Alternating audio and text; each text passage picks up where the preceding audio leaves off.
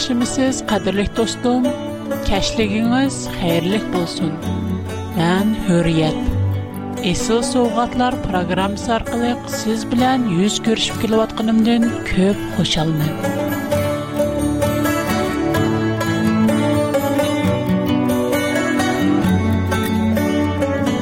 Mən bilan birga o'tkazgan mışı qisqagina yarim soat vaqtingizni sizning mışı bir kun ichida o'tkazgan ən əhmiyyətlik və ən mühim vaxtınız buluşunu ümid qılımın. Mənim məqsədim əməliyyət sizgə şunu hiss qıldırış. Proqramımızın tüp nişanı Qatla Xudanın sözünü yetkizish. Xudanın xarakterini tunuşdurish. Xudanın xoş xəbərini həm dostumğa eynən yetkizib Talkim programmamızda roman, hikaye anlatış programmalarda külkülük, yumorluq gaplar yo'q. Biroq uningda Xudoning haqiqiy va buyuk muhabbati bor. Шуңа достум, сезнең һәр даим программабызга катнашып торышыгызны арзу кылам. Бүгенге сөһбәт темамыз кыямат. У көндә сүр челенде. Allah xalığanlardan başqa osmanlardakı və zimindəki həmmini qorxunç basıdı. Həmmə Allah'a boysunğan halda kilidu. Quran-Kərim 27-ci surə Nəml 87-ci ayət. İsa'nın işi doğrusta ular arasındakı firqələr ixtilaf qilishdi. Büyük gün kəlgən çağda kafirlərə vay. 19-чы сүре Мәрйәм 37-нче аят. Бу искайәт киямет турылык әйтілган, кадерлек достам, сез киямет хакында кандай уйлыйсыз? Сезнең киямет каим булышының аламәттәри хакындагы шунчагыз кандай? Даим нурлыган достарымның киямет турылык Qiyamət yaxınlaşanda balalar ata-anasından təzib, ata-anasına hörmətsizlik qıldığan uruşxaq, cidalxor bularmış. Həm yerdə açarçılıq yamrab, kəlgün, ota püti, yer təvrəş, qatarlı qər xil təbii apətlər zeminni qaplarmış. Yəni, müşu adəmlər hər xil yuqumluq, meynət kisəllərgə giribdar Демесімо, азырқы заманның яшлары кардын чықып кәтті. ата сөз қылғанда өр-өр вақырайды, бірақ қылға ішінің тайын ең. На инсап күйімсіз. Азырқы кішілерді мұ инсап деген әрсе қалмыды. Алдамчы оғыр елғалда көпіп, бұрынғы есіл адетіміз мехман достықтың қылча сар қалмыды. Бұрын йолда кішілер ғеріп мүскілерін ұшыраса, оны өйгі башлап, дастыхан селіп, бірәр ерін пиала чай алмон қылышатты. Азир ондақ үштігіл, бірәр тұнышыңызнезді башқыларының ішек түйігі біріп қалсыңыз, худди оның өйгі кіріп алдығандек, үзіңіз кілі ішкіне апыды. Инсап қалмады, инсап, мехер шапқатмы? Йоқ. Адамлар отырыстыки мухаббат, михир шапкат Алла каякларга юкап кетти. бир бириге күйүмү жок. Мошинага карап, дайымына кыямат кеп кага окшойду жумо? Дейишип аңлап турмун. Шунда кыямат акыйкатан көз алдымыздала. Бизге найти якынлап калды. qiyomat pat aridi kildi. Buni qandaq bilimiz? Buning uchun muqaddas kitobdan javob izlab ko'raylik.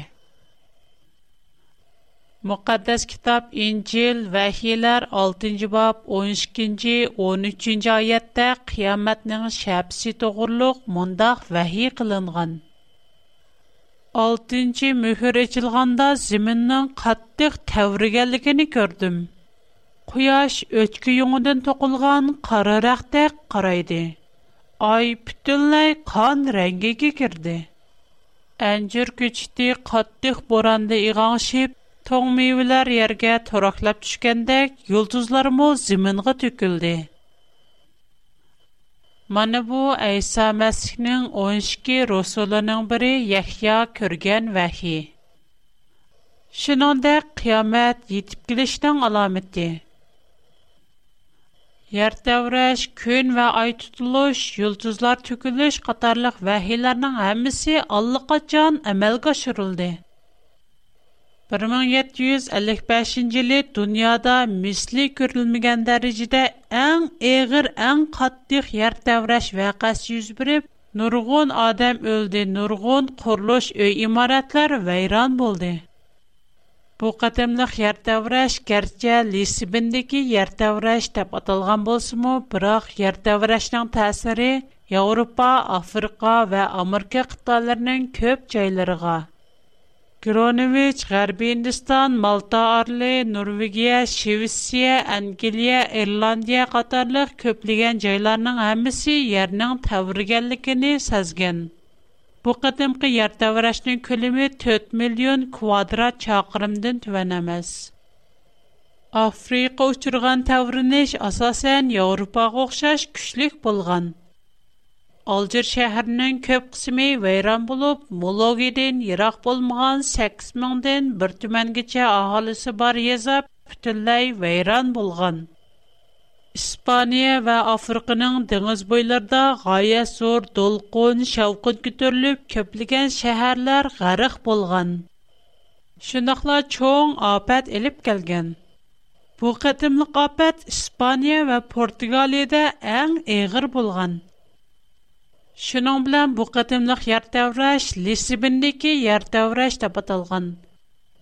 Бу қатымлық ертәвараш башылынып, 6 минут ішчіде 6 түмәні адам өлген.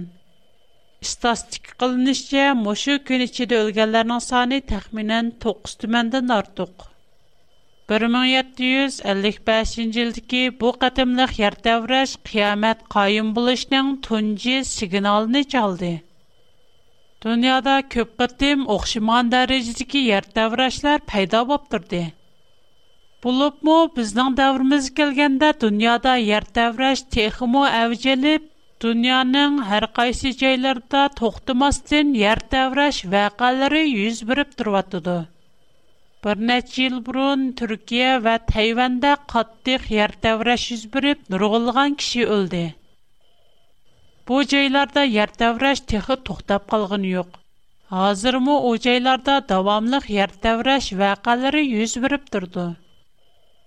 Biz yaşayotgan moşu süyümlük diyardımı her yili digidek yer devreş vakası yüz birip durmakta. Her yili digidek Maral Beşi nayiste yer devreydi. Ötken yili bu afet texmi eğir bulup nurgulgan öyler örüldü. Hem bazılar kazağı uçurdu. Bu nimiden direk burdu. Elbette bayı okup etken ayettikidek Bu qiyomatning yaqinlashganligining tunji belgisi. Jannat ahli bo'lgung kelsa, dozoqdan qutulgung kelsa, Xudodan kechirim elib, mangu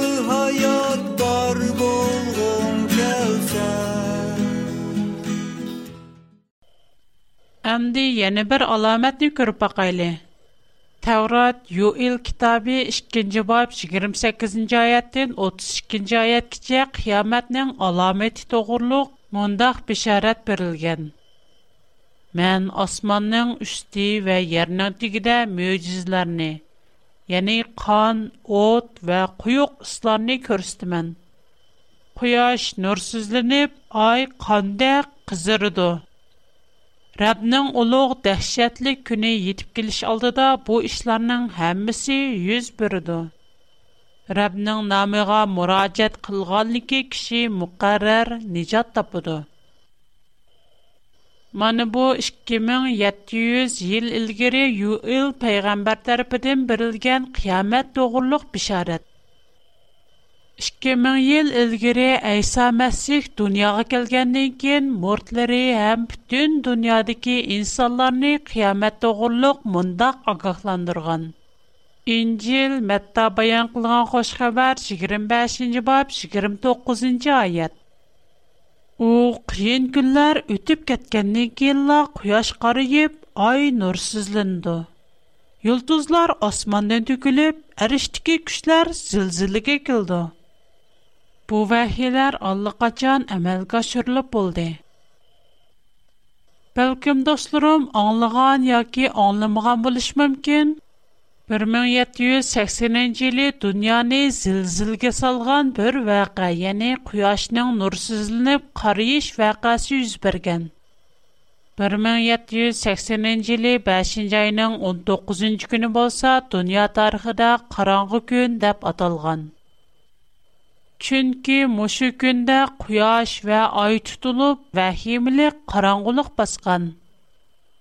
Муса пайгамбарның вакытыдан башлап, хәзергечә Bunun oxşaş uzaq suzulğan, quyuq həm köp ətrafı tarqalğan qaranğılıq hadisi görülüb baxmağan. Күн tutulub qaranğılaşıdı. Ay qanğa oxşaş qızıl rəngə kirdi. Әйні чағда bu қараңғылық адысыны өз көзі білән көргіче шайитларның тәсвірлішче bu вәқа дүния бойынша әң вәхимілік вәқа болған. Bu Yeni İngilən və Amerikada yüz bərgən iş. Şu çağdaki kün tutuluş hadisinin cəryanını ular mındaq təsvirləydi. Əbdigən hava uçuq, quyaş nuri parlağan. Әмма узун өтмәй қара булут күнне тосып, булут ва туман барган сыры куюклышышка, күчүп пәсләшкә башлаган. Аркаданла һава гүлдерләп чакмак чаккан hamda simsim yomg'ir tomchilashga boshlagan atdigan soat to'qqizga kelganda bulut dumanlari suslashib havo seriq tuch rangiga kirgan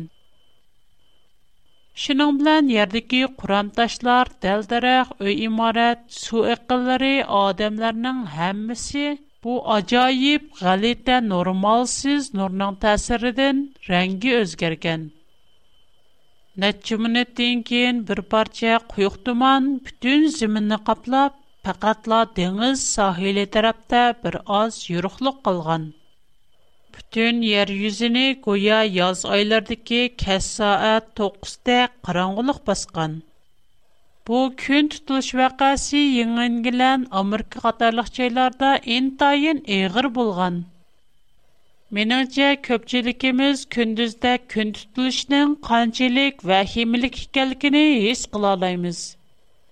Бәзіде біз яшаватқан мұшу мұйит, Tutuq hava bizning kayfiyatimizga zo'r dərəcədə təsir göstərdi. Bulubmu ət yaz aylarda biz yaşayotgan moşu zəmində çan tuzanlıq hava bulub, hava nayti sət rəngi kirdi. Hətta bəzidə hava tutuq, bətrang bulub, bizgə köngülsüz, qayğuluq bilindi. Biz körgən, bilgən, anlığan barlıq tutuq günlər 1780-ci 5-ci 19-ci günü yeni engilən Amerika və bütün dünya büyücə umum yüzlük yüz bərgən aşu qıtımlıq kün tutuluş və qəsidək və himilik əməz. bir nəç il burun mındaq bir vəqə yüz bərdi. Bir günü ətdigəndə qatıq boran çıxıb uzun ötməy, hava aldı. Bəziləri Xuda ғəzibini yağdırdı desə, yəni bəziləri qiyamət qayım bulduğa oxşaydı, axırqı zaman yetib gəldi deyişətdi.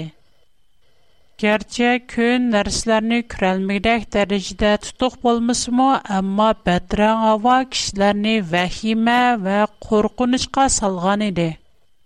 Oxşashlar qiyomatning ikkinchi alomati bo'lgan kun va oy tutilishlar dunyoning har qaysi joylarida yuz berib turyotidi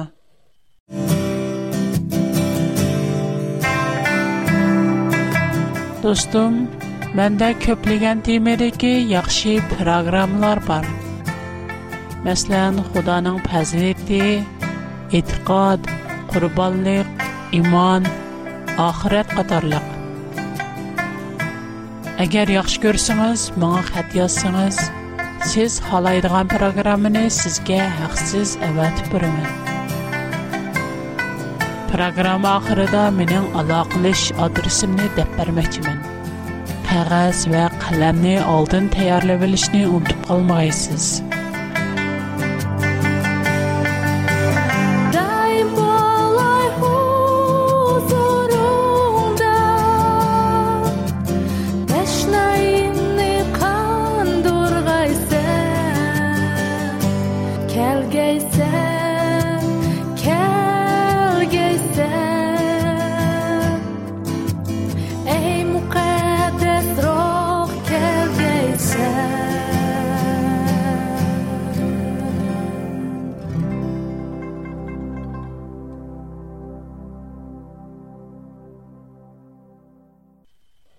endi qiyomat yetib kelishining uchinchi shundoqla oxirgi belgisi bo'lgan yulduzlar cho'kilish vaqasiga qarab boqayli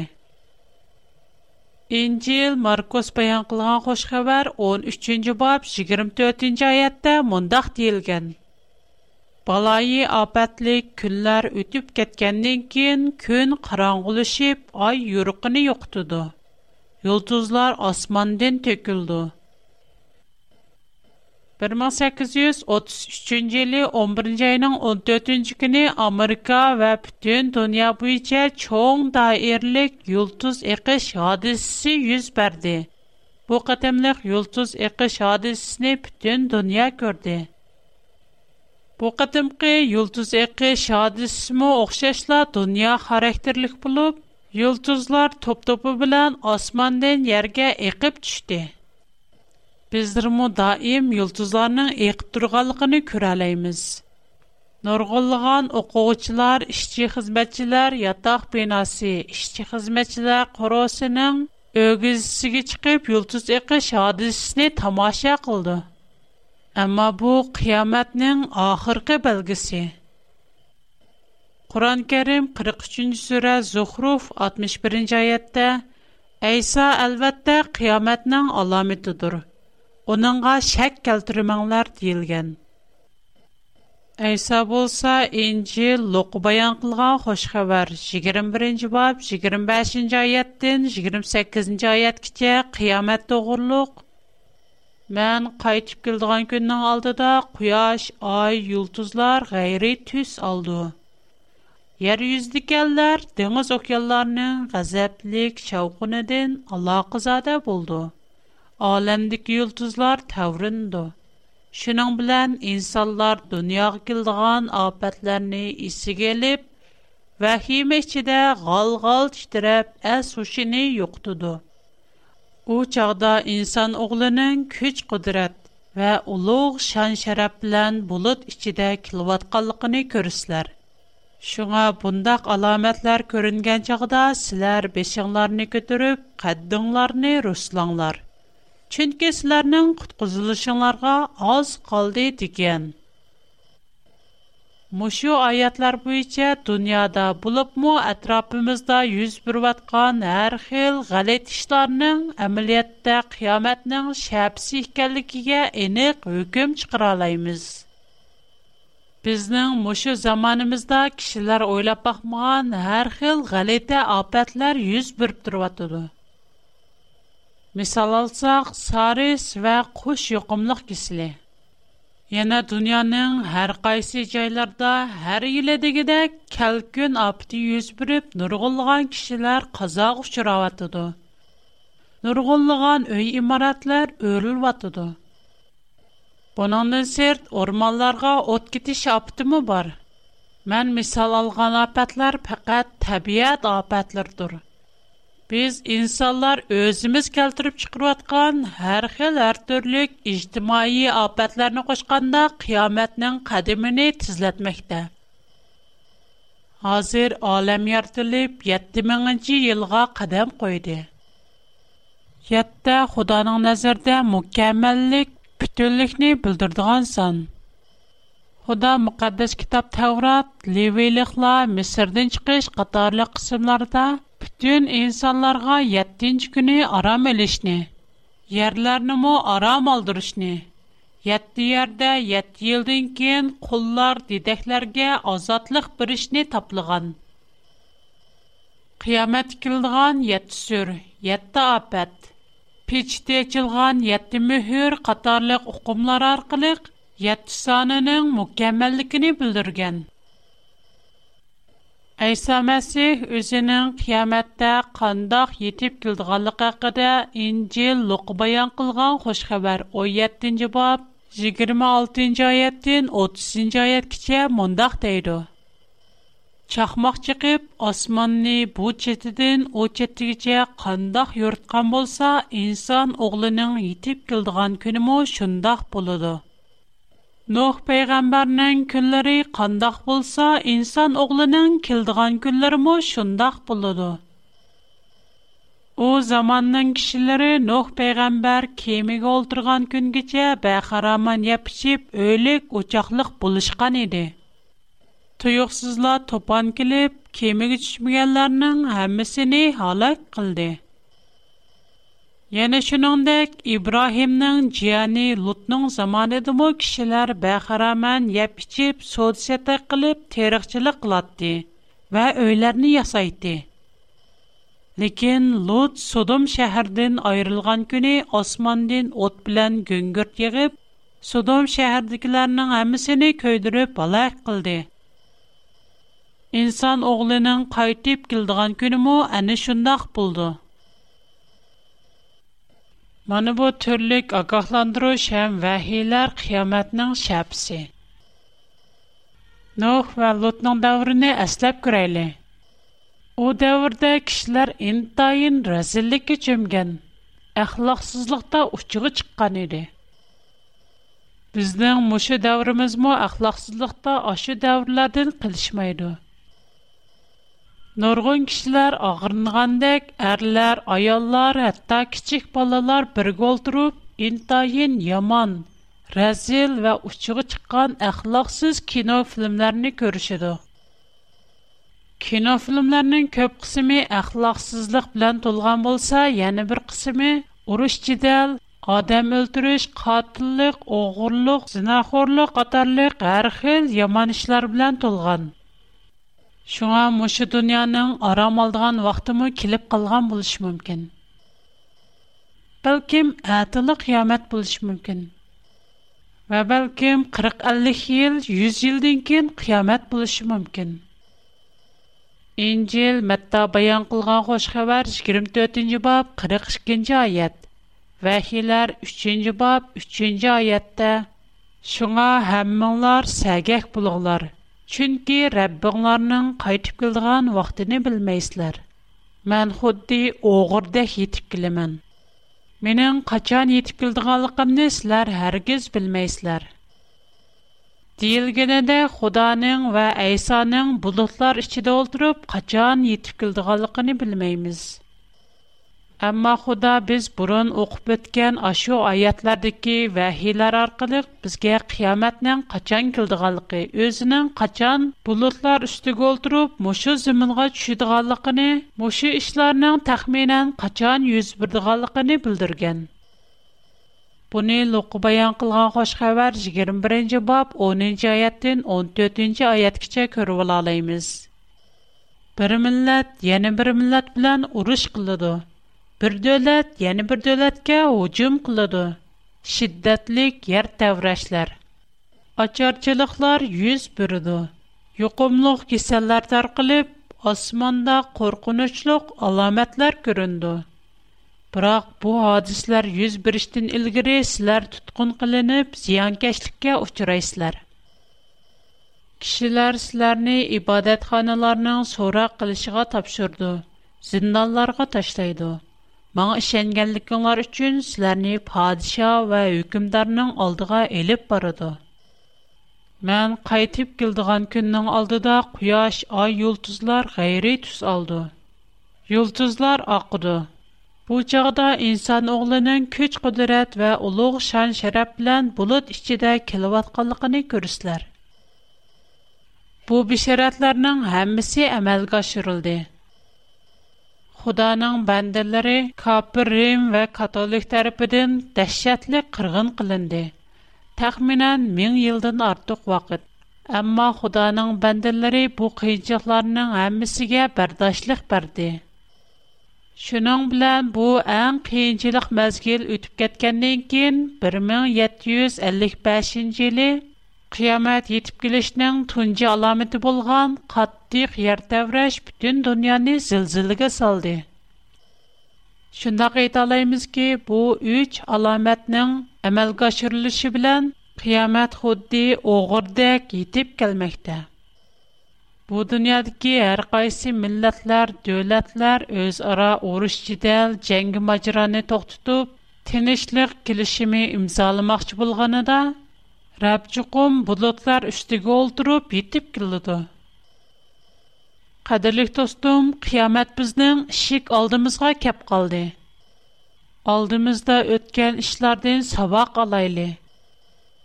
Бұрынғыларының тәжірбі сабақларыны екілдейлі.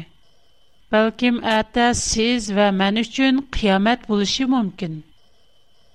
Навада өз көзіміз білән қияметнің етіп келгәлікіні көрәлмеген тағдырды agar biz mushu dunyoda qiyomatga yaxshi tayyorlik qilmasak xudoga yaxshi iymon әйтмәсәк, bizning o'limimiz xuddi qiyomatga o'xshaydi Өлгәндә яна безнең тәвбе кылышыбызга, қиямәткә ишенишебезгә фурсат юк.